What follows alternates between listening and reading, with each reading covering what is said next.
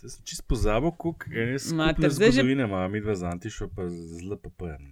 Ogromen, Res. ogromno. Če bi te avtobusi lahko govorili. Uh, Še dobro, da smo to Tako. vse, da sta povedala, preden smo začeli snemati. sam res. Kaj Ja, se- ker drugače bi bila epizoda več kot 35 minut Ja. dolga, hočeš reči. Ne? Iz zadaj bi si Um, slišal, slišala tišina mojih krikov, ker nisem mogel mikrofona usposobiti. Ti je eno vprašanje takoj v štartu. Ne? Čez dva tedna bomo praznovali, mislim, 1. aprila, uh, rojstni dan. Ne? A misliš, da je, mislite, da je čas, da naredimo kakšno anketo, da povprašamo um, te, ki nas poslušajo, ali je 35 minut ta soft spot, a bi radi imeli daljše. Eh, Naš zvesti poslušalec Slavko Jarič s svojim uh, tudi zelo imenitnim podcastom to počne kar redno, se mi zdi, kar če ne celo vsako leto. Aha, bi, bi Ankete, ankete Da- namreč. Statistiko tebi, ja, ja. statistiko tebi approve. Ja, seveda, zdaj se delam, da nisem tega predlagal pred enim mesecem. Ampak, eh, ja, To je bilo za nalašč. Uh, jaz sem za, jaz sem za, no. se mi zdi smiselno. Ne? Jaz mislim, da bodo morali imeti anketo o anketi. to se Aha, pa se zdaj pravi, da najprej vprašamo, ali bi bilo treba narediti anketo. Ja, to je. Ja, Tako. to- No, to bomo meta. poleg bizarke, Meta. točno. Ja. Pred nami je častna naloga. Poverta gospoda Hojsa, v kateri je ponudil odstop, je še zaprt. Če kaj, potem je to referendum o tem, ali slovensko vojsko sploh želimo imeti ali ne. neke vrste zmenek rušiteljev temeljnih vrednot Evropske unije. Kar sem odšel iz politike, vse narobe. Več afer, kot bodo sproducirali, bolj bom grizla in sekala lovke. Osebno sem se danes testiral, čakam na rezultate zaradi preventivnih razlogov, da eh, ne bo potem kakšnih dilem. Mi nismo ničesar plačali, tako da zagotovo ne gre za goljofijo. Pa si vi sploh želite čim prejšnjega konca te epidemije? Te razprave ne bom nadaljeval, ker eh, nisem neumen. To je LDGD, podcast, ki nikogar ne podcenjuje in ničesar ne jemlje preveč resno. V imenu svojih najbližjih in v božjem imenu vas pozivam na lov. Uživajte, dokler lahko. Hvala lepa. A smo obdržali ali jaž uh, legendarno zadnjih, ne, uživajte, dokler lahko. To je še, ne, seveda je še. Ja, to, je, ja. to je zdaj to. Mislim, narod je spregovoril Ja, ja. in kdo sem jaz zdaj, kle, da bi ne upošteval volje ljudstva. Ja, ne? ti si samo gostitelj, evo, Aljaš Pengovitenc je to Radio Chaos, pa skupaj smo še Antiša Korljan, Primorske novice in Andraž Zorko Valikon. Vi pa poslušate LDGD, podcast, ki nikogar ne podcenjuje in ničesar ne jemlje preveč resno, še posebej ne politike. In ko smo ravno pri tem, ne, um, mal presenetljiva zmaga, vsaj za me, uh, prejšnja politbizarka, ne, uh, ko Kozlovič obmokne 43 odstotkov, Kopriva 38 odstotkov, uh, suspendirana nacionalna ta 16 in Bogovičevo jadikovanje 3 odstotki. Tako da Kozlovič gre v finale. To, to je zato, ker si jo tako dobro poimenovala. Po Ja, mojem. tako. Vse je to ključnih s- 5-6 točk razlike. ja. To za Koprivo. medtem ko- Ja, ja. Franc Bogovič je pa dobil točno toliko odstotkov, kot jih bodo dobili na volitvah. Oho. Hashtag prognozis. Ja, kaj smo pa rekli danes? Um, teme današnje, ne? teden interpelacij in še ena na vidiku, ne? se pravi Kustec in Cigler, kralj pod streho, a bo kaj drugače s Simonitjem. Potem pa veselo Pa ne bo, ne bo pod streho, bo pod nečim drugim, ampak v redu. Um, veselo poročilo, pa te težave s cepivi, ne, to verjetno tudi moramo kaj reči. Uh, pol pa verjetno kakšen paket, uh, ne vem, Janševo pismo, poskusi discipliniranja koalicije, koljaža v SMC, klauzura SD, skratka, en kup enega posla, izvoli aljaš, kaj te najbolj muči, kaj bi najbolj rad vprašal. Ja, v resnici se mi zdi, da je najbolj tiktakajoča bomba vendarle uh, veselo v pismo, ne, ker se v njem že dolgo, uh, pismo. Ah, Poročilo. Se pravi, poročilo, hvala, ki ima celih 252 strani. Jaz sem si vzel čas in se prebral osnutek. In sem imel občutek, da je cela Slovenija dopoledne brala osnutek, ker so potem šele začeli kapljati članki in mnenja in eh, te hot teki. In me zanima, a je kdo od vas to prebral, preletel, si ustvaril mnenje oziroma ima kakšno projekcijo iz tega naslova. Nataša, Ja. ti, Da na avtoglih una dva, vedno ta prva. Um, povzetek, le, a si tole mislil za tisto zadevo? Si, povzetek, rekel, ne osnutek. osnutek. Povzetek, ja. ja, ja Lipsus langue. Seveda. Tako, tako, ja, to smo zdaj, mislim, spremljali koliko časa, že par mesecev. Na, iz ene strani je bilo slišati, kako da je, da kar bomo izvedli, da bomo izvedli, da Slovenija sistemsko je nepripravljena, ne? to je bilo predvsem z desne, iz leve, da je šlo za kup kršitev in prelaganja odgovornosti. Najbolj zabavno pa sem se mi je zdelo. Uh, izjave Počevalška danes, uh, kako je šlo za sistemske težave. Ne? Zdaj, uh, revizijsko poročilo kaže, da naj bi pri nakupu prišlo, da so bile nejasne pristojnosti, neenaka obravnava, um, škart roba, da se je kupovala, da se ni vedelo, kdo je odgovoren, zakaj ne. In uh, Počevalšek je sedem let minister, je sedem let, nekaj takšnega. Ne? Ja. En cel mandat, pa še zdaj uh, seveda jaha na, tej, uh, na tem spinu, da so sistemske težave, s katerimi on, kot kaže, verjetno ni imel nič. Ne? Čeprav je na enem in istem. Na enem in istem ministrstvu že sedem let. Uh, nisem imela časa za 200, mislim, ki je tudi ni šans, da grem brati 250 strani, tako da samo uh, povzetek in mene, kot nek, nekoga, ki se ukvarja z, z mediji in komunikacijo, seveda z zanimanjem opazujem, kako poskušajo uh, spinati to zadevo ne?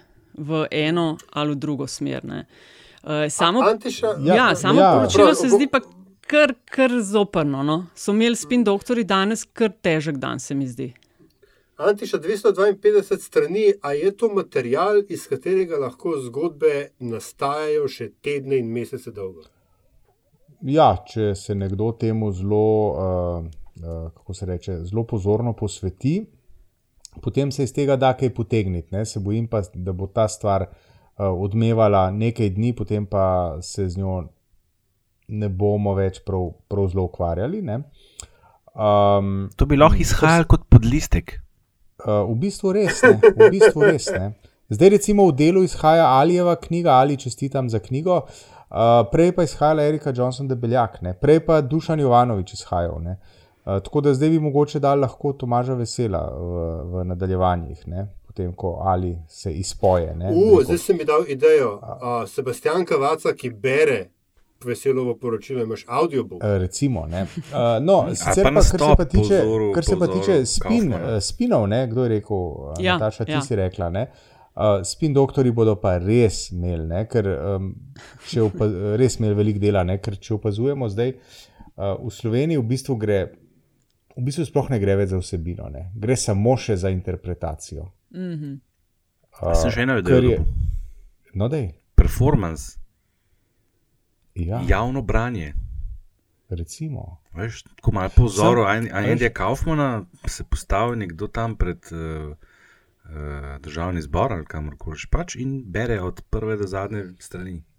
Andraš, jaz bi te samo tukaj upozoril, čist za, pač za varnost, mora biti ljudi, ki bi te pre, preresno vzeli. Ne? Pred tem istim državnim zborom so popisali, če že ne v global, ne upam si trditi, ne, preširnega nagrajenca in univerzitetnega profesorja Borisa Anovaka, ki je prebral neko pesnitev, pesem, sonet, haiku, ne vem kaj prebral. In je zaradi tega bil popisan strani. Uh, organov pregona. Ne. Pa Tako tudi da, tiste, ki so brali ustavo. Ne? Tudi. Ne. Tako da se mi zdi, da je to nedržavotvorno, tvegano in uh, varnostno vprašljivo dejanje, če bi zdaj se kar nekdo spravil brati neko poročilo pred državnim zborom. No. Tako da, kids, don't do that at home. Ampak zdaj so dovoljeni, kaj že protesti do deset ljudi. Ja, ja. To lažejo, to ni res. Ne? Glih ta pravna mreža za varstvo demokracije so na laž postavili ministra Hojsane. Prepovedano. Ja. In, kaj, in, in kaj je kle noga? Ja, ja, no. predvsem to. Ja. Ker so ga tako, eh, bi rekel, vo, eh, žogo jim je poslal in so jo na vole prčakali. Veš, eh, čestitke pravnikom iz mreže. Uh, pravne mreže, zaradi tega, ker ne, seveda, eh, so Pravnice, zelo lepo povedali, kaj in kako so stvari. Ne. Uh, Andraš, ali je veselo v poročilo patrija te vlade? To se zdaj tako malo marcela, veš, jih tako le ven več. Pa moraš še prekinjati ga, pol, cak, cak, cak. Ja, no, pa sem lahko ti, ker na zadnje sem zavrnil sodelovanje v studiu City, če imamo že to paralelo. uh, ne, veš kaj. Um, jaz mislim, da, da se od tega poročila preveč pričakuje na eni strani, na drugi strani se ga preveč bojijo, se mi zdi, ali kaj. Uh, ker se že čas tako obnašajo, da tega veselja niščejo sto en način, kako bi ga uh, onečastili. Ne? In, in uh, jaz pravim, tako malo, nisem niti približno šel brat, kot ti, aljaš. Uh, pravim malo pač spremljati skozi medije, kaj res vam pride. In jaz zaenkrat nisem opazil drugega kot to, da, da se očita not neučinkovitost, ne pa, ne pa uh, kakšno kriminal ali karkoli. Uh, druga stvar je pa, da se, če sem prav razumel, dejansko, da očitki letijo tudi, tudi na, na stran, da je Gale prišel pol z objavami tega, kaj je bilo vse narobe. Tako da, če bo, mislim, po mojem, ne bo patrija, po mojem, to deluje bolj kot ena podmoranca. Ne? Ampak, Aljaš, Andraš in Nataša, ne, jaz bi mogoče. Um... Podvomu v um, smiselnost tega vprašanja, ne, ali je nekaj, karkoli že to je, ne, ali je patrija te vlade. Jaz bi se pred vprašanjem temu vprašanju je, ali je danes patrija mogoča. Ne. Eh, razmere, v katerih danes dela politika, razmere, v katerih danes delajo mediji, so tako za ene 500 milijonov svetlobnih let daleč od tistega uh, uh, razmer, v katerih je nastala zgodba o Patriji. Am razumete? Mm, good point, ja. In, uh, in, uh, uh, in se navezujem na to, kar sem prej rekel, v bistvu, ne, da, um, da, da je vse stvar interpretacije. Ja, in, površinska obravnava. To je, ena stvar, jih, to je ja. ena stvar. Ne? Druga stvar je pa to, da uh, v trenutku, ko se bo nekaj izkazalo kot tvegan material za eno ali drugo stran, se bo vključila uh, rekel, uh, uh, vojska družbeno-političnih delavcev z enim ali drugim političnim predznakom in bojo na vse pretege relativizirali tisto, kar uh, določen dokument ali pa določeni uh, določeni dogodki uh, problematizirajo. Ne? Jaz bi se strinjal z Antišom. In, smo, in vprosti, samo še to, in, in potem seveda trčimo ob to, na kar smo pa tudi v tej družbi in za cenjeno publiko tega podcasta že večkrat upozorili. Ne? Trčimo pa ob to, da so razgrajene osnovne, uh, osnovne uh, institucije te države, tiste pa, ki še, se pravi, nominalno obstajajo, so pa totalno brez zobe in potem smo tam, kjer smo. Jaz, mislim, in v bistvu res, tukaj prideš do tega, da ne moreš imeti patrije. Ne? Dejansko, več kot sama vsebina tega poročila, povedo vsi dogodki okrog tega poročila. Se pravi, na eni strani uh, strajni poskusi, uh, kot sem, kot rekel, ko sem prej rekel, nečaščanja predsednika, vesela, ne? Eh, s temi prihodki, ki jih ima na, na UEFI, pa potem zdaj s tem nekim poskusom, da ga celo razrešijo, kar nakazuje določen strah, očitno. Ne? Na drugi strani pa ta visoka pričakovanja, če vse boste videli, kako je prišlo poročilo, tam bo noč jasno in pa še preden ga sploh preberejo, že govorijo, evo, evo, to je že dokaz. To, to je tako, kot da si vsi neki obetajo od tega. Ne? Ampak bolj največ pove pa to, da je nekoga pa tega vse en strah. Ne? No, vprašanje je, kar se jaz takoj tukaj vprašam, ne, ker iz povzetka je govor, da niso bili učinkoviti in našteto, kaj vse narobe. Imamo na levi, uh, kjer zlivajo da so grozno vodili, imamo na desni, ne, ne, ne, to so bile težave odprej. Uh, kar se jaz sprašujem, je, a mislimo, da ne vemo tega še ne. Ampak sprašujem se, ali je na tistih 250 straneh podlaga za kakšne globje raziskave. Veš, ali bodo no, drgnili kaj bolj v globino? To, ne, to sem prvič, to sem na začetku vprašal, in drugič, eh, eno je, kaj bodo tukaj naredili mediji. In mislim, ne, da imajo, zato sem jaz mislil, vprašal, če je to patrija te vlade, če je to zgodba, ki se jo bo ribalo. Da ima kaj mesa onamo, več. Tako, kar je izpovzetka. Se strinjam to, kar je Antiša rekel, je to seveda, seveda validen pomislek. Tisto, kar je pa možno in kar mi se na, v tem podkastu zelo velikokrat pogovarjamo o tem, kaj bi opozicija morala delati. Ne? Če kdaj potem imaš na podlagi tega poročila material za kakšno eno orang preiskovalno komisijo parlamentarno. Če jih ne bo spet vlada no. prehitela, bo svojo ustanovila.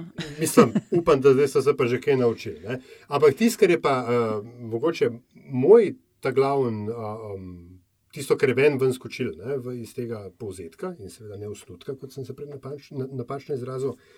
V, vesel, ko je začel to delati, je vesel rekel, mi bomo upoštevali, da so bile izredne razmere. Takrat sem jaz bil kar besen ne, zaradi te vnaprejšnje popustljivosti. Ampak potem v osnutku napiše, kljub temu, da smo upoštevali, da so bile po, po, posebne razmere, da smo bili popustljivi, smo še vedno ugotovili to in to in to in to. In zdaj, kaj so ugotovili, da je vlada vzela, ta vlada, vzela slabo situacijo in jo naredila še slabšo skozi netransparentno vodenje, nejasno razporeditev odgovornosti, kar si Nataša omenila, skozi ad hoc organe, ki niso bili uporabljeni za to, za kar so bili zamišljeni, itd. itd. In je pa res, to, to kar je, je, je pa Antišal Andraš, se pretoniram, rekel, ne, ko je ga leta omenil, zdaj gledajoč za nazaj, se pa vendarle zdi, ne, meni kot ciniku, da je bil ta galetov manevr mečken tudi mal ta cover your ass varianta. Mm. Pa če mogoče lahko gremo klele en korak naprej, ne? ker smo rekli, da bomo v tem paketu tudi s tem v zvezi z cepivi. Zdaj, zadnje dneve je kar nekaj težav. A mislite, da je to, kar se dogaja, eno je, da niso naročili ekstra oziroma tisto, kar nam je pripadalo, ko bi lahko. Uh, drugo so nekateri, recimo, kritizirali, zakaj se je ustavila Astra in tako dalje. A se vam zdi, da mogoče malo prehudo se napada vlado zaradi teh stvari, ker seveda nismo edini s temi težavami, ne? ali ne? Ne. Zakaj je prehudo? Lej, tri države niso izkoristile tega: Slovaška, Bolgarija, Slovenija. Vse ostale so to izkoristile. Zakaj samo mi ne? Pa še dve države zraven. To, sem, to vprašanje sem jim postavila. Potem pa, ko preberem včeraj spet tweet, seveda od predsednika vlade, ki je napisal, da da pač uh, so računali na nekaj, kar se ni zgodilo. Sem pa spet mogel zaključiti, da ja, je spet je bil management by hope, ne? tako kot sem že, že novembra, decembra, prvič, ki sem mislim, ta izraz uporabljal, da je že. Spet so neki upali, da se bo zgodilo, a veš, to ni resen management. In, in ne, veš, ne na zadnje, ne, je tudi to, da uh, zadnji par, zadnji teden, recimo, ne, z vsem tem pismom šesterice Evropske unije, oziroma komisiji in svetu, ko, ko so najprej začeli več brcati, kao, zdaj pa Bruselj pa ni fair s tem uh, razporedom cepiv, na kar Bruselj reče: Ljubčki, vi ste se zmenili za tak razpored cepiv. Mi smo, mi smo predlagali, da gre vse samo prorata. Uh, in potem se kar naenkrat v naslednjem koraku Janša ugotavlja, da ne se v bistvu to, kar komisija dela, je v redu, ne, ampak mirno se mi moramo nekaj zmeniti. Ugotoviš, ne, tri korake kasneje, da je uh, osnovni problem bil seveda pri nas, da je bil nekjer drugje in Janša, iš, kot vedno, ne sen edini, ampak kot je pač on na tnalu, uh, išče probleme posod drugot, razen tam, kjer bi jih moral, ker če bi jih najdel pa sebi, jih moral pa sebi tudi rešiti. A sem dovolj populističen? To si pa tako dobro povedal, je Bentiš. Da mi, jagenčki, lahko kar umavknemo. smo. Mislim, meni se zdi, da je kar, mislim, to je imel prav, kaj je govoril, a veš, ne dobavlja, AstraZeneca ni dobavljala in meni se to zdi tudi kar, kar dosti slabo, da ni podjetje za to nič kaznovano. Ok, drugo je, seveda bi mogli naročiti tisto, kar. Um, Kar nam Ampak, je pripadalo. Ampak, Tršica, aloh, aloh roko. Glej, to, to zgodbo z AstroZeneca, cela Evropa se je ukvarjala s tem, kakšno pogodbo je Bruselj podpisal z AstroZeneca. Evropa je, tako, je skoraj šla v diplomatski škandal, uh, uh, ko, ko je hotela, um, se pravi, konfiskirati. Zasešt. Zasešt, hvala lepa. Uh, vse, vse doze cepiva, ki so bile narejene v Evropi, in, in povzročila diplomatski spor z Veliko Britanijo, ki so skoraj zdrli sporozum o Brexitu zaradi tega. Mm. Ampak to se je dogajalo prejšnji mesec, pred šestimi tedni. Mi pa zdaj to odkrivamo kot toplo vodo. Veš, no, vlada bo zdaj um, poskušala povečati zaupanje v cepivo AstraZeneca s tem, da ne vem, če ste ujeli, da se bodo vsi, te, ta najvišji Cepili naš vrh, se bo cepil z AstraZeneca. Ampak veš, kaj bi pa mene zanimalo? Kaj se pravi, je, je, je vlada novi direktor marketinga za AstraZeneca? Ja, se, mislim, lej, pa smo pri spinanju spet. Vse gre za to. Veš, kaj bi pa mene zanimalo, kaj bi imel premijer Janša zapovedati, na, ker se je ravno tedni to valil, pa je celo bil en predlog za, za bizarko. Um, Škofovska konferenca je dala že pred časom, pa zdaj to ponavlja, ne, izjavo, da oni pa, uh, pa nočem amplificirati res tega butastega mesiča, da oni pa uh, sicer podpirajo, da se njihovi, njihove učice cepijo z Pfizerjem in Moderno, da pa AstroZeneca odsvetujejo. In bi me blazno, ker pač naj ne bi bila pridelana in pripravljena na eti, dovolj etičen način. Ne. Uporaba ja, embrionalnih bi... celic, jada, jada.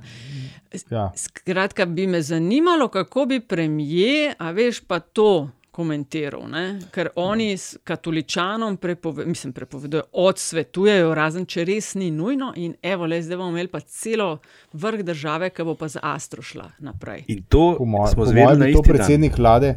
Uh, opredelitev vlade do tega vprašanja bi uh, predsednik vlade, če bi bil pameten in verjamemo, da je, ne, uh, bi prepustil uh, specialistu za obče modrosti te vlade, to je Leš Hojs. Ne? Ker on pač on ve marsikaj in nedvomno ve tudi o razvoju uh, teh cepiv. Marsikaj in bi verjetno zelo meritorno lahko o tem razsojal. Andraš, ti imaš številke čez ne? in imaš to pod kontrolo. A misliš, da se zna, ker uh, ja, napada opozicijo in prav je, zato je tam. Ne? Ampak napadov je kar velik na vlado. A misliš, da se zna zgoditi, da bodo ljudje začeli, da bo reakcija simpatiziranje? Češ, kao, dejte nehati dovolj. A z vlado misliš, da se ja, da, da bi da znali pridobiti žrtev pre, prepoznalo njej? Ja, da bi žrtev prepoznali, ne? da bi se znali te napadi, ki imajo, ne vem, kaj bumerang vrniti. To bi bilo možno, če bi govorili o dosta običajni vladi, to pa ni običajna vlada. Se, spet bom mm -hmm. spomnil, SDS je stranka z daleč najvišjo stopnjo zavračanja. In ne glede na to, kaj oni naredijo, je ta stopnja zavračanja skozi okrog 50 odstotkov. V zadnjem letu so se zelo trudili, da se ta stopnja ne bi zmanjšala. Tako da jaz mislim, da to ni možno. Dvomaš, da bi, ker to veš ustavna obtožba, šarec, ki napoveduje. Lej, je, veš, po drugi strani je pa to, ker je enih družbenih skupin, ki jih je ta vlada direktno prizadela, da tako rečem, od teh, so, s katerimi so se spravili v konflikt, več, z večino njih v bistvu čist brez potrebe. Mislim, da si jih enkrat v enem tvitu malo naštel, ta seznam je kar dolg um, do, do skupin, ki so jim prepozno ali pa jim še zdaj niso ustrezno pomagali. Tik pred snemanjem, ko smo tole snemali, je bila ura za nekih čudnih razlogov, da je bilo zvečer, ja. ne pa pol devet. um, um, sem gledal mal ekstravizor, kjer je Viki Tvrdi, by the way, se mi zdi eden boljših novinarjev v Sloveniji. Um, uh, naredil analizo, primerjavo, kako rešujejo gospodarske posledice v Avstriji in kako v Sloveniji. Ne, če sem zadnjič omenil tisti naši raziskavi, nova normalnost, to, to zadovoljstvo s temi ukrepi konsistentno pada in je bistveno slabše, kot je bilo na začetku, ko so se PKP začeli sprejemati. Skratka, tudi tle imamo en velik delež nekih skupin, uh, ki morda niso tako glasne, ki jih morda tudi mi v vsakodnevnem življenju, v diskusijah na Twitterju in tako naprej ne opazimo. Uh, so pa precej prizadete strani uh, aktivnosti, ali pa bomo rekli neaktivnosti vlade. Tako da jaz ne vidim bene možnosti, da bi se lahko bili spoznani kot žrtve. Ne, absolutno ne. ne. ne. Čisto vse raziskave kažejo, da grejo stvari navzdol. Eno javno mnenjska podpora. Če se šteješ uh, podporo strank, ki so v vladi, podporo strank, ki niso, je razmerje 60-40 za tiste, ki niso. Um, če pogledaš uh, v raziskave, ki merijo uh, zaupanje v vlado. Uh, oziroma podporo vladi, pardon, eh, ta tudi pada in je že na teh tistih znamenitih rekordno nizkih številkah, ki se ponovadi pojavljajo, takrat, ko je Janša na oblasti. Gremo mm. naprej. Imamo raziskavo našo spet, zaupanje v vlado, upravljanje epidemije, to sem zadnjič razlagal. Ne? Je mal boljše kot v zaupanje vlado nasploh, ampak vseeno tudi to je v upadu. In še zadnja stvar, ki smo jo objavili v sredo. Um, zadovoljstvo stanjem v družbi, spet se je korenito obrnilo okrog, in imamo spet skoraj 60 odstotkov vprašanjih, ki ti rečejo, da so bolj ali pa zelo nezadovoljni na splošno stanje v Sloveniji. Mm -hmm. Bili smo pa že dve leti nazaj na, na, na zelo, zelo lepih številkah, po, po šestih letih. Mi smo zdaj po koncu tega desetletja se spet obračamo in gremo spet nazaj. Zdaj, trenutno smo padli na stanje februar 2017, v nekaterih pogledih na prvo poletje 2014. Spomnite se, prvo poletje 2014 je bila še gospodarska kriza, ni se vedeli, kaj se bo zgodilo, in tako naprej. Skratka, v vseh pogledih, Skratka, ne. Ne, ja. gremo nazaj. Ja. Tako da No, pa imam pa še follow-up vprašanje. Se pravi, ok, številke ne kažejo ali pa vse te raziskave, da bi se znalo to zgoditi. Uh, zdaj, ker iščemo rešitve, cepljenje in kako reševati te situacije, Pahor je imel predsednik posvet na Brdu, a mislite, Aljaš, pa Antišano in Andraš, da bi pa znalo LMŠ-ju in levici škoditi, da niso zraven na teh posvetih? To se mi zdi pa bolj verjetno. Ja, jaz, jaz se tukaj strinjam. Ne? Uh, jaz mislim, da, ni, uh, da se to zna odbiti v glavo in sicer pod interpretacijo, da se, uh, da se rekel, uh, zavrača sodelovanje pri nečem tako pomembnem in da se tudi rekel, uh, kaže nek vzvišen odnos do institucije predsednika republike. Ne? Ker tukaj so oni zelo dosledni pri tem in. Uh, Nisem tako zelo prepričan, da je to pametna politika. Ne bi rekel zavračanje sodelovanja, ampak zavračanje dialoga. No, sej, to, ja, kar poudarja Bratušek, recimo, ne, ne pa Fajoni ja, tudi jaz, o tem. Jaz mislim, da moraš tja in na glas povedati, kaj misliš. Veš, kaj, meni se zdi pa, da levice, levici bi si mislili, da jim to ne bo tako zelo škodilo. Mogoče pri, demo reči, širjenju baze, ne, ampak za tisto njihovo osnovno volivno bazo, ki jo imajo, je pa to vrstna. Um, to vrstno signaliziranje idealno, ker uh, v resnici uh, roko na srce na tem so takih setankih se ne doseže nič, tako se gre pač slikati za to, da, sporo, da nekaj sporočiš. Um, in, in to, da so oni, da njih ni tam, so oni seveda ravno to, kar so hoteli sporočiti, sporočili svoje baci, da oni so še vedno true levica, ne? ker klej je njihov problem ne toliko, dokam bodo oni segli proti sredini, ampak ali bodo še vedno dovolj avtentični za njihove osnovne voljivce. To je ena. Kar se pa šarca tiče in LMŠ, pa mislim, da, ja, da je večja šansa, da, sem, da mu to eksplodira v fris iz dveh razlogov. Namreč, prvič, ne, treba, ne, ne smemo pozabiti, da je Šarc nekoč kandidiral za to isto funkcijo. Ne? In ni izključeno, da bo to, ponovno. Tako in lahko to seveda gladko interpretiraš kot eh, neko osebno animoziteto do eh, lika in dela Borota Pahorja. Sicer ni težko biti eh, nastrojen proti liku in delu Borota Pahorja, ampak vendarle, Šarc je hotel točno tja, ker Pahor zdaj je.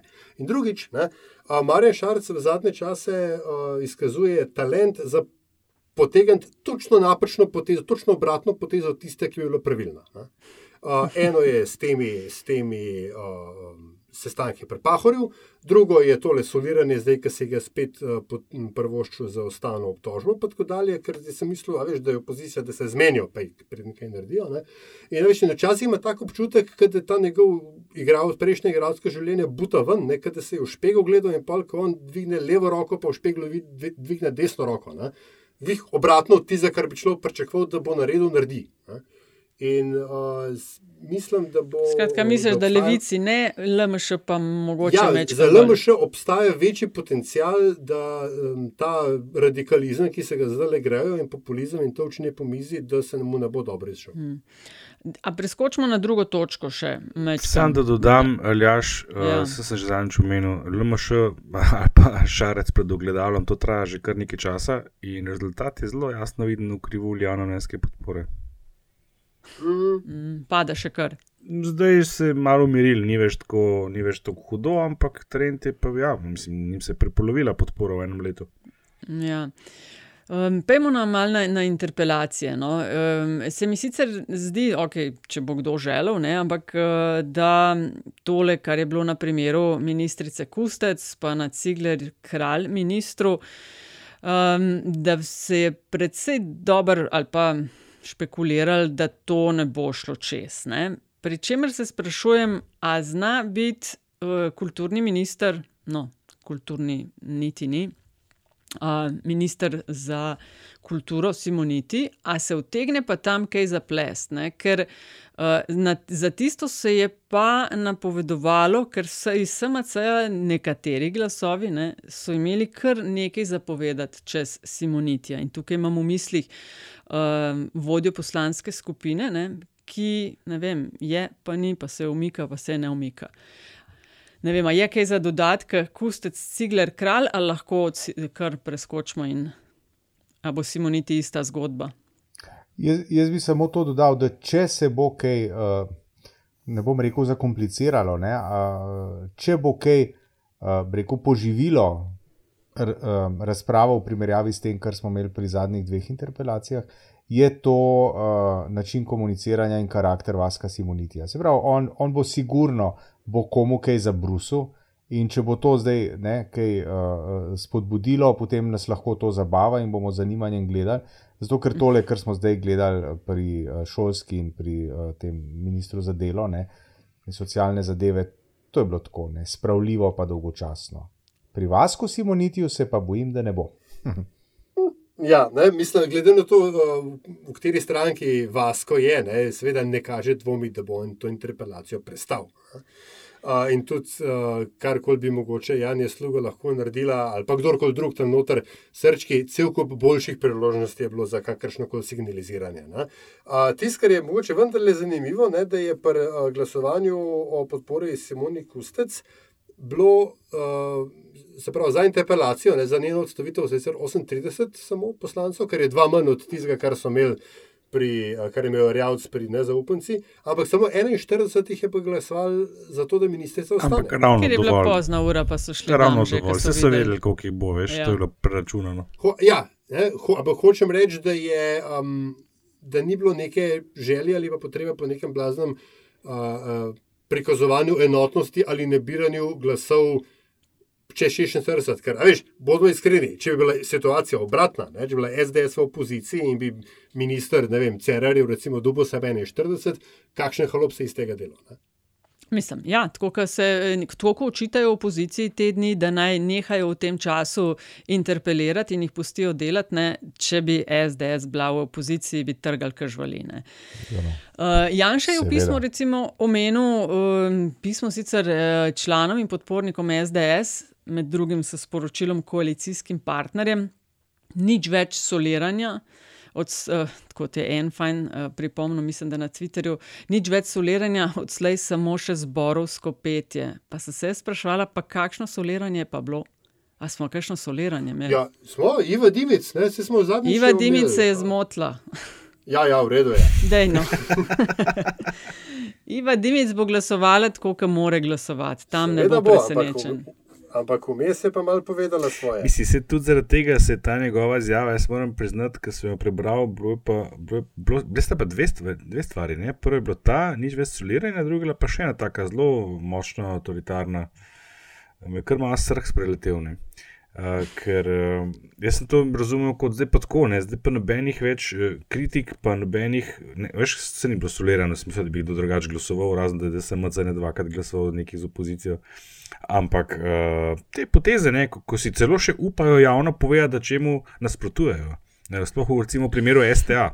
Jaz mislim, da gre za to, da je bilo to to. a Veš, mm. zdaj, pa, zdaj, pa, zdaj pa dosti tega. Ne. Zdaj, zdaj v te pa tih. Kar smo se zmenili, ali Ja, pa na. zdaj pa ja. tišina. ne. Ja, ja, tako. In, in tudi malo je malo presenljivo to, kako se je ta svet SMC zanj končal, ko, je. Ja, koljaža. Uh, ko, ko je izgledalo, da ni tako ne, uh, zelo enotno, ne, da se je počeval še prišel ven zelo suveren, mi smo poenoteni, se bomo poenotili. Uh, kar slejko prej pomeni, to sem pa tudi videl, ne, da bomo najbrž imeli kmalu dve poenoteni stranki. Ampak uh, ni bilo Zorčiča, ni bilo sluge.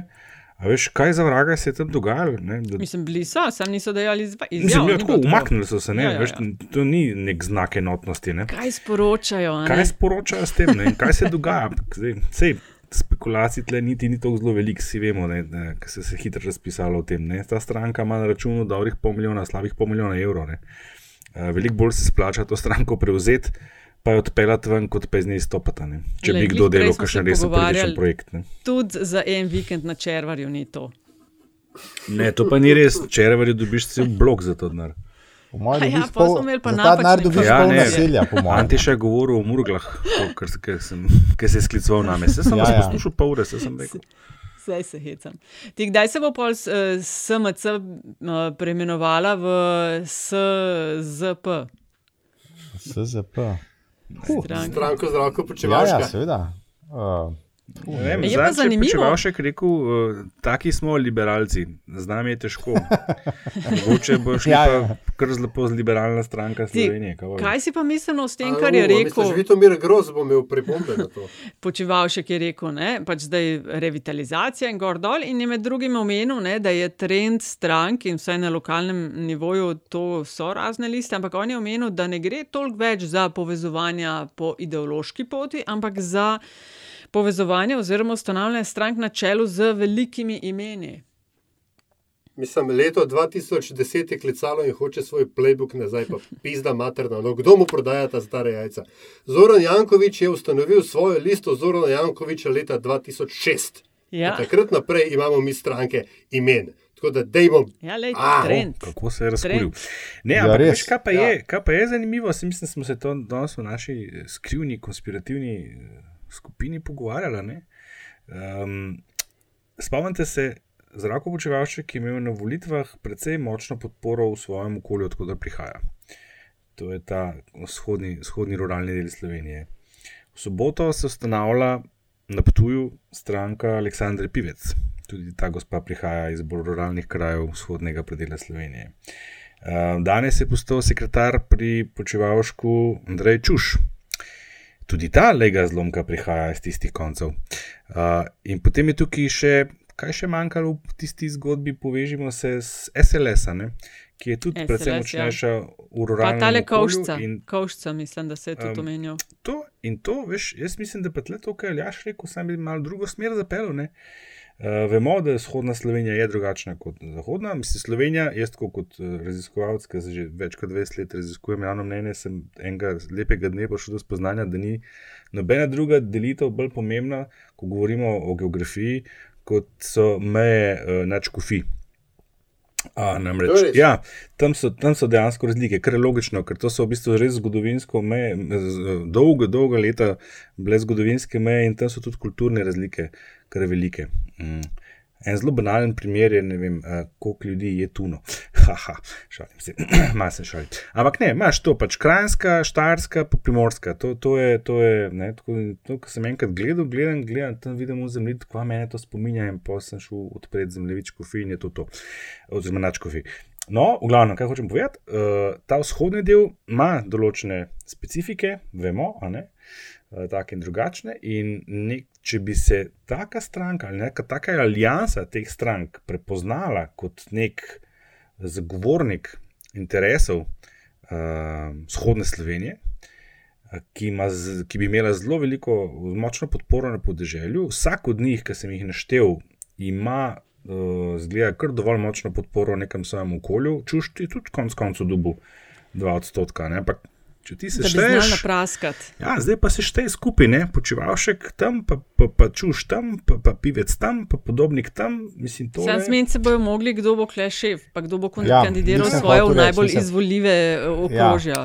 Tako Kje da veš, tukaj, tukaj lahko Andraž, nastane neka tukaj- taka nova, nova slovenska ljudska stranka, lahko nastane iz tega, tako Ja, zelo sodobna. Kje je garancija, da se ti ne zgodi kul cool na desnici oziroma v vzhodni Sloveniji? Kul cool vzhodne Slovenije, ki se ne bojo mogli zmeniti.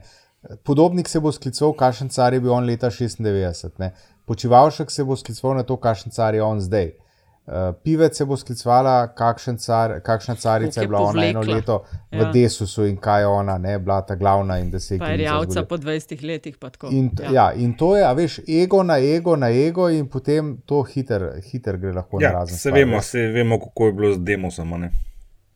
Andraš, ta tvoja teorija o ptujski mafiji. Ne? In Vprosti, vprosti, ali jaš, samo to ne. Tudi. Vprosti. In potem bodo na koncu bodo morali, uh, uh, bodo morali po nasvete, kako stvari speljati, zateč k nikomor drugemu kot Gregu, uh, Gregorju Golobiču, ki je to naredil leta 94 z LDS. No, skratka, ptujska mafija ne, ima kle samo en problem. In sicer, da je volilni sistem v Sloveniji tako narejen, da moraš biti prisoten v vseh, kak 11, ne, 8. 88 jih moraš imeti. Ja. Ja, v, v 88 osmih krajih, krajih, ja. Predvsem v uh, osmih volilnih enotah. Ne. Zdaj, če so oni carji v kaj je to druga, se boš šli skupaj, enota, ne, ne, ne, ne, ne Aljaš, to boš šli skupaj, Ne, ne, ne, združili ne, ne, ne. moči. Koalicijo ne, ne. narediš. Razumem, vem, ampak s kom? Če narediš, imaš tujsko koalicijo, ko, Koga bojo pa Ne, a, pa na primorskem našli? eh, kandidate Popoviča. sej- sej- Zvezo za redu. Primorsko. O, še Popovič. Je, je. ja, ja, super, Lej, ja. bojo Popoviča bo našel SMC, našli, mislim, da se je paktal z njim. Se hotel biti državni sekretar, ne? Pri počivalšku. A veš, pa Dobro, ne to je- pozabiti, SLS, SLS ima mrežo kar močno, ne? Še vedno. vedno, ne. Oni so, ja, na, žu, ja. na lokalnih ravneh Na so zelo, oni so imeli, so oni, zdaj ne ja, vem, če je tako. še to tako, ampak na županskih so oni imajo poharano eno tretjino. Ja, oni imajo odbore še vedno, ne? Imajo jih, ja. Sej se, se strinjam, samo hočem samo to reči, ne, kombinirano z pač, eh, imeni, ne, ki če bodo skoncentrirana v mestu ob Dravi, vse da gre Drava skozi Ptuj. Ja. Uh, je, je um, A, a, a, tako, no, Eno glej, bom rekla, nimam. ne, je, v Ribanci je kandidatka Ljudmila Novak, ne, ki nima z Ribancev nič, v Kočeju je bil pa kandidat Peter Vilfan. Tako da, mm, a veš, to bojo Mislim- lahko nabrali. Pa, V redu. Pod- Ok, ampak gled, kul, ampak je, ja. Ptujska mafija mi je tako všeč, ime, da moram še enkrat reči. Ja. Ptujska mafija. Ne, V glavnem, no, to je pol zdaj. SMC. Pre- Drava alijanc mi je bolj všeč. Smo pa prejšnjič smo že ta desus, ker ta razgradnja, to je kar težko delati. Ne? Zdaj Rjavc je šel, desus je iz koalicije, poslanci so še kar zgodba zase. Uh, odhod je napovedal lep, a ne, poslanec lep. In zdaj trenutno eh, vodeči desusa Balažek ali Balažek zdaj to vodi in za naslednje tri mesece bodo tuhtali, kako naprej. So pa kako naprej že pred dnevi v SD naredili. Ne? Imeli so uh, klauzuro in so redi za zmago, ne? Ponovno, ne? Antiša, ja. Ja, ponovno so redi za zmago.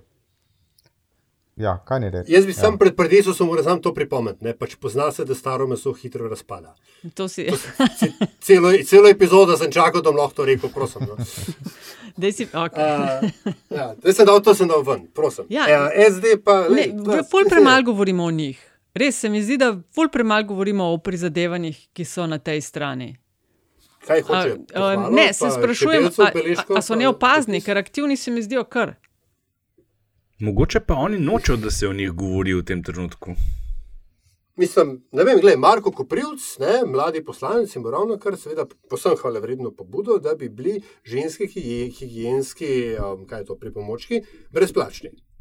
Kar je zelo progresivna, fino, fajn stvar, uh, ampak koga točno s tem nagovarjaš glasov bo to, ja. situaciji? Ja. Te iste ženske. Da, ja, ki so verjetno že tako, tako tvoje volivke ali pa volivke levice. No, ne nujno, ampak ok. Ne. Mislim, nek, nek, okay, ja, zelo, zelo generaliziram, ampak ja. Okay. No, pa, ker smo pa že pri opoziciji, sem pa jaz opazila, zdaj, mislim, pred časom, že nekaj časa, ne, predvsem pa v tistem času, ko je Damjan izskočil ven in uh, da tudi on neko svoje gibanje ali platformo, ali ne vem kaj. Platformo, Ja. ja. prosim, platformo. Ja. Pardon, no, in je takrat kar orenko sekal po uh, LMŠ in SMC. Uh, in tudi za SAP je rekel, ne, da to ni vsebine. Sem pa zadnjič opazila tudi, uh, mislim, da je bil ed- eden od dveh gostov, ki smo jih imeli za komentatorje, um, nekdani predsednik državnega zbora Gantar. Tudi sem zaznala, da uh, ni imel lepih besed na račun. Sam pa se sprašujem, Andraš, ti praviš, mislim, ti praviš. Ankete kažejo, da SAP konstantno nekako raste v javnomnenjskih. Zakaj menijo, da tam ni nič? Kdo se jih boji in zakaj? To se tudi jaz doskrat vprašam, zdaj moram sicer paziti, na kakšen način bom to povedal, ker so mi začeli nekateri že očitati, da sem, da sem sap, oziroma si njihov sabot. podpornik. Ja. Um, jaz sem pač zaznal ja, to rast. Eh, Jaz sem to povezujem v bistvu z tudi odhajanjem voljivcev iz uh, LMŠ-ovega tabora. Jaz mislim, da tam je neka kriza identitete med voljivci. In da so se pač mogoče tudi sam zatekli k njim. Eh, Po drugi strani pa res, ne, eh, zdaj, če se spomnimo eh, vladanja Lenke Bratušek, ne, mislim, tisto, da, da je ona trojko odgnala, pa tudi če je sama navodila poslušala, tudi to je treba znati, je pač res. Ne. In zdaj v tej časovni perspektivi mogoče to zgleda malo bolj, bolj pomembno, kot se nam je takrat zdelo. Mislim, šele zdaj malo prihajajo ven stvari v resnici, ne kaj vse se je res takrat dogajalo. Uh, jaz mislim, da bolj ko sodelujemo v teh dogodkih, bolj bolj oživljajo spomini na neke te čase, ko, ko nam je šlo boljše, ko nam je šlo na boljše, ko je bil optimizem v zraku. To se pravi, to je predvsem obdobje, ko je Bratuškova prevzela uh, vladanje in potem po zmagi Cerarja še nekaj, recimo prvi dve leti uh, SMC-jeve vladanje. Um, po drugi strani pa le, oni so dosti konsistentni pri tem, kar počnejo. Ne. Oni so ustrajali na teh upokojencih, ustrajali so na, na brezplačnem prevozu za njih javnem. Uh, sodelujejo v teh uh, Sodelujejo, povejo, pri... kaj si mislijo. Bratuškova zelo jasno pove, da je kaj ni všeč. Uh, Ne. Niso pa, ja. niso pa, ne vem, mislim, vsaj meni se pač ne zdijo tako, vsekakor niso poniglavi, uh, ne brcajo kar neki v tri kraje. Mislim, meni sem se zanj to vprašal, no, ker se mi je zdelo iz par različnih koncev že, tist, zakaj? Mislim, za nekoga, ki išče eh, neko klasično spodobnost v politiki, ki je vedno manj, eh, in da je to levo od sredine, se mi zdijo, pa če ne maraš pač eh, levice oziroma socialdemokracije, se mi zdi logična izbira. Mislim, ne, Antiša, kakšna misel v vezi tega? Nimam, nimam. Nisi opazil ne, tega. Ni, ne, nimam. Mislim, tako mm. bi bilo vse, kar bi, bi bilo gibanje, tako da se raje vzdrži. Jaz moram priznati, da sem presenečen, da nima še več podpore. Zato, ker uh, jaz mislim, da je ona tudi bila žrtev na nek način, tako kot je bil tudi cerar te, tega medijskega uh, sesuvanja podob. Mislim, spomnite se, kako so jo takoj označili za šiviljo, pa, pa kako so jo napadali zaradi njenih čevljev. Ah, Pa, no, pa seveda, tako to so naprej. a klasični veš, ne. napadi, ki jih vsaka političarka takoj doživi. Ja, No, ja, veš, ne. grozljivo. Zelo podoben, kot je recimo tudi Cerar postal Smerar, ne, zaradi nekih osebnostnih lastnosti. Ne. Tako Da, mogoče pa se zdaj šele počasi, šele, da šele zdaj prihaja njen čas. Morda, ne. Pa na tej točki verjetno vendarle ne kaže um, pozabiti, da bo, ne, če že ni, uh, minilo desetletje, odkar je Alenka Bratušek v visoki politiki. No, tako, ne. Ma, Da je ja, tudi že lepa doba ja? in že se naučiš nečesa. Ja, to, je, to je res. Mislim, obr... Kako rečeš ti, Aljaš, en teden v politiki je ogromno. Ne? Po, po drugi strani pa deset let mine tik tak, v bistvu. Zdaj, šele ko si to rekel, mi je rad jasno, res je. Ne? Prav, kaj imamo še? Uh, 46 minut, pa pol, toliko imamo. No, in tako smo pri koncu. Um, mimo grede, če ste zgrešili, vlada je epidemijo podaljšala do 16. aprila, drugače bo pa 20. bo pa 5 mesecev, kar imamo policijsko uro. Kjer ga leta? A so navedli? Ja, veš kaj, je pa tudi. Je tudi nekaj res, aprila je že dovolj lepo vreme, da se tudi kakšne vojaške letala lahko spet na nebo dobro vidi. ne. Hmm, ja, da bo spet maj prihaja. Ja. Pejmo na nove bizarke. Evo, kdo želi začeti? Se pravi, kaj se vam je, kar se je zgodilo v zadnjih dveh tednih, kar se nismo redno slišali, kaj, se vam, kaj vas je premaknilo? Lahko jaz, ki sem že vmes hotel to povedati, ker smo se namreč o tem pogovarjali. Ta ja. se mi zdi res propisna bizarka, razen če te rekli, da ne velja zato, ker sem jo tvitnil tri dni nazaj, dva dni nazaj. Ne velja, velja to. Namreč uh, jaz na svoj timeline dubu v roku, res ne pretiravam, manj kot pet minut, pa mislim, da je bilo celo manj kot tri minute. Naslednja tri sporočila. Pahor. Precepljenost rešuje celotno vprašanje tega nehvaležnega obdobja epidemije. Janša. Nujen je korektivni mehanizem, ki bo delitev cepiv vrnil na izhodiščno točko, in tako naprej.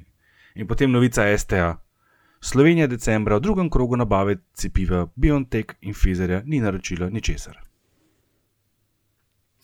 Ti si vedno, veš, da si, Andraš, ti vedno zbiraš takšne, da jih je pol težko dati v zmagovite. Brendirati, ne, zato pa zgubljam, se vem. Ja. Ja, a, a, a veš, kako Andraš zameji interval? Ne? Tako. Sam sem ja. pa, če ste opazili, spretno poturil Janša v bizarko. Ja, zvi, pakete. Ja. ja, jaz sem se pa tudi zadržala, ker smo tisto govorili o interpelacijah, ker uh, imam pa moja nominacija, gre pa na račun ministrice Kustec in dijakov kaznovanih ali nekaznovanih, in, in ravno to se mi zdi uh, tista bizarka, kaj smo v enem tednu ali dveh tednih, tako da več ne vem, kaj drži, smo prišli od tega, da naj sprejmejo odgovornost do dijaki so frajeri in amnestija. Tako malo je od uh, Antiša, mislim, da si ti pripomnil, od, od šolske ministrice, mal bila pravosodna, pol pa še mal ja, policijska. Pa se, kaj se pa zamudiš? No? Skratka, tu zdaj sploh ne vem, ali so frajeri ali niso, ali smo narobe razumeli, ali bojo zdaj oproščeni ali ne bodo. No, ker smo o protestih govorili, nič druga niso naredili, ker roke gor dvigani, pač radi bi šli v šolo. Ja. In ministrični način komuniciranja je zelo hermetičen, zmeraj ja. manj ljudi ga razume. Ampak ja. jaz pa mislim, da nas je ona poslušala in da smo ji segli v dno srca z našimi sporočili in ja. kritikami. Ja. Še posebej okay. tisto, tisto, da bom z diplome zbrisal, po mojem, je bilo pa to usodno. Kuli imam še vedno na mizi, Simona. Je, jaz, si vzel, jaz si bom vzel tretje mesto. Ne? In mhm. bom uh, uh, poli, uh, polistal po svojih zapiskih in bom citiral Zmaga Jelinčiča, ki je ob 30. obletnici svoje stranke dejal: Citiram po spominu, na vrhu naše stranke ni prostora za povspetnike in kruhoborce. Konec citata. Kje je to rekel? Je to imel uradno izjavo? Uh, to sem bral na, mislim, da servisu STA. Uh, Del ponovi, plis. Uh, na vrhu naše stranke ni prostora za povspetnike in kruhoborce. Zmago je Linčič. Spet bo zmagal, himself. Yeah. Razvil sem talent za blizarke. Kar, kar, kar, kar favorit, po mojem, ampak čakaj, da vidim, kaj mi valjaš. No, jaz vam pa se vračamo na interpelacijo ministrice Kustec, ne, kjer je Branko Grimsu, zvanemu Gizmo, ratala ta, da je treba iz šol nagnati vso LGTB in ostalo kulturno marksistično indoktrinacijo. Um, Sej človek v bistvu ne ve, kaj bi rekel. Ne? Včasih se mi zdi, da je Gizmo z kažnega Newsmaxa pobegnil ali pa Takarja Karlsona najbrž to, to gleda, prednji gre spat, ampak uh, dovolj bizarno, dovolj gizmo, dovolj uh, kretensko, da se seveda zasluži. Ti, pozabo je pa dodati ikone. ja, mislim. Pizdamo mater, da razumeš, še, še niti, niti up-to-date za vso terminologijo, mrš nazaj v šolo. S tem, da je imel tudi za vas očete, uh, par na svetov, kako, ali neki ja, žganjem, ja, kako bi bilo. Ja, ja. Ok, imamo Jelinčiča, Gizmota, Kustec in Dijake ter precepljenost in naročanje cepiv. Ne? Zadnjih 30, rubrika. Pa tiste B, nekaj bo provodi zbrendirati, neke prazne marne so tiste, veš, ti, to je bilo meni bizarno se je tako razgalila ta, mislim, tako razgalilo to besedičenje politikov na najvišjih funkcijah. Predsednik republike, predsednik vlade, rečete nekaj, razumeš realnosti, dobiš pa v, v novici zraven. To je bizarno. Ne? Zato pravim, In nas pripelje do tistega, kar smo na začetku imeli, ne? da smo samo še v spinanju in kdo bo uspel potegniti daljšo oziroma krajšo. No, pa če smo pred zadnjih 30, si bom, si bom pa jaz uh, vzel uh, primat, ne, tokrat. Uh, jaz prima je zadnjih 30. Um, z popravkom, ker so, mislim, da je bilo v zadnji epizodi, sem, ko, ko smo se pogovarjali o Ljudmili Novaki in njenih um, izkušnjah in neposredni za Jana Zomjanša, sem seveda napačno jo proglasil za naslednje Sojana Zadrobniča na mestu ministrice za delo. So me potem Twitterji popravili, za kar se zahvaljujem. To je seveda bila Marita Cotman, Ljudmila Dovak ni bila nikoli ministrica. Širšega pojma njenega izknjenja izkušnje z Janšo to ne spreminja, ampak to, kar sem rekel, pa seveda ne drži. Se zahvaljujem za popravek in se upravičujem vsem imenovanim in neimenovanim. Dalje, želi kdo? Jaz bom tretji. ok, Andraš, boš ti zdaj ali če mi jaz? Ti še razmišljaš, malo. Ja. Okay. Ti mogla na glas povedati. Ker uh, že v naših zadnjih 30 pogosto krat omenjamo uh, te ponudnike filmov in serij, Amazon Prime, Netflix, um, HBO, Apple TV in tako dalje, bom pa jaz zdaj imela en predlog uh, za mal bolj indie verzijo, recimo da Netflixa. In sicer je naslov mubi.com vsak dan predstavijo en nov film, uh, kolekcija se non-stop spremenja. Njihov point je, da če je nekaj popularno, ni nujno tudi dobro. Najde se svašta, od klasičnih mojstrovin do novejših zadev. En teden je možnost brezplačno, potem pa, če v paketu plačaš letno, te pride 6 evrov na mesec, sicer pa 10. Mubi.com, uh, res fajn izkušnja. Okay. In jaz bom uh, nadaljeval serijo o pretočnih ponudnikih uh, takih ali drugačnih vsebin. Tokrat bom posegel v svet podkastov in sicer bom uh, priporočil, um, vsaj jaz sem poslušal to na podkastu, zadnjega nedeljskega gosta Vala 202. Pri Alešu Smrekarju je gostoval eden od herojev moje mladosti, športnih herojev, Bojan Križaj. Mislim, da je okrog 50-minutni intervju. Uh, nisem niti vedel, ne, da Bojan Križaj se izogiba, oziroma se je izogibal intervjujem. Um, morda sem tudi zato toliko bolj z zanimanjem poslušal uh, tokratnega in ga toplo, toplo priporočam. Bojan Križaj, nedeljski gost na valu 202.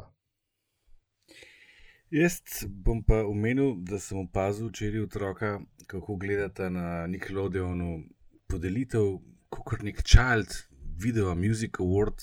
In sem večkrat presedel, ker me je začel zanimati in sem bil frapiran. Uh, kakšna huda produkcija je to, tako malo po vzoru, recimo MTV uh, Music Awards, pa teh zadev. In kako resno to jemljajo, in da nastopajo od uh, blazno resni igravci, da se je recimo Robert Downey Jr. pustil kot eden od podeljevalcev, da so ga polili z neznansko količino zelene sluzi. Um, to mi je bilo recimo fascinantno, s tem zvezi pa še uh, hecna prigodica, uh, ko ste tam mali, da bi danes to še enkrat gledali, ker ste čisto navdušeni nad dogajanjem je nastopil med drugim tudi Justin Bieber, ki si je brez sramu večkrat z roko segel med nože, šterka pa je to hladno krno komentirala, zgleda, da ga lulat. Imeniten zaključek, Andraš. Um, še kaj želi kdo piko postaviti, sicer pa to je to, ne, LDGD, podcast, ki nikogar ne podcenjuje in ničesar ne jemlje preveč resno, še posebej ne politike, z vami pa smo bili Andraš Zorko, Antiša Korjan, Aljaš Pengov Bitens in Nataša Briški.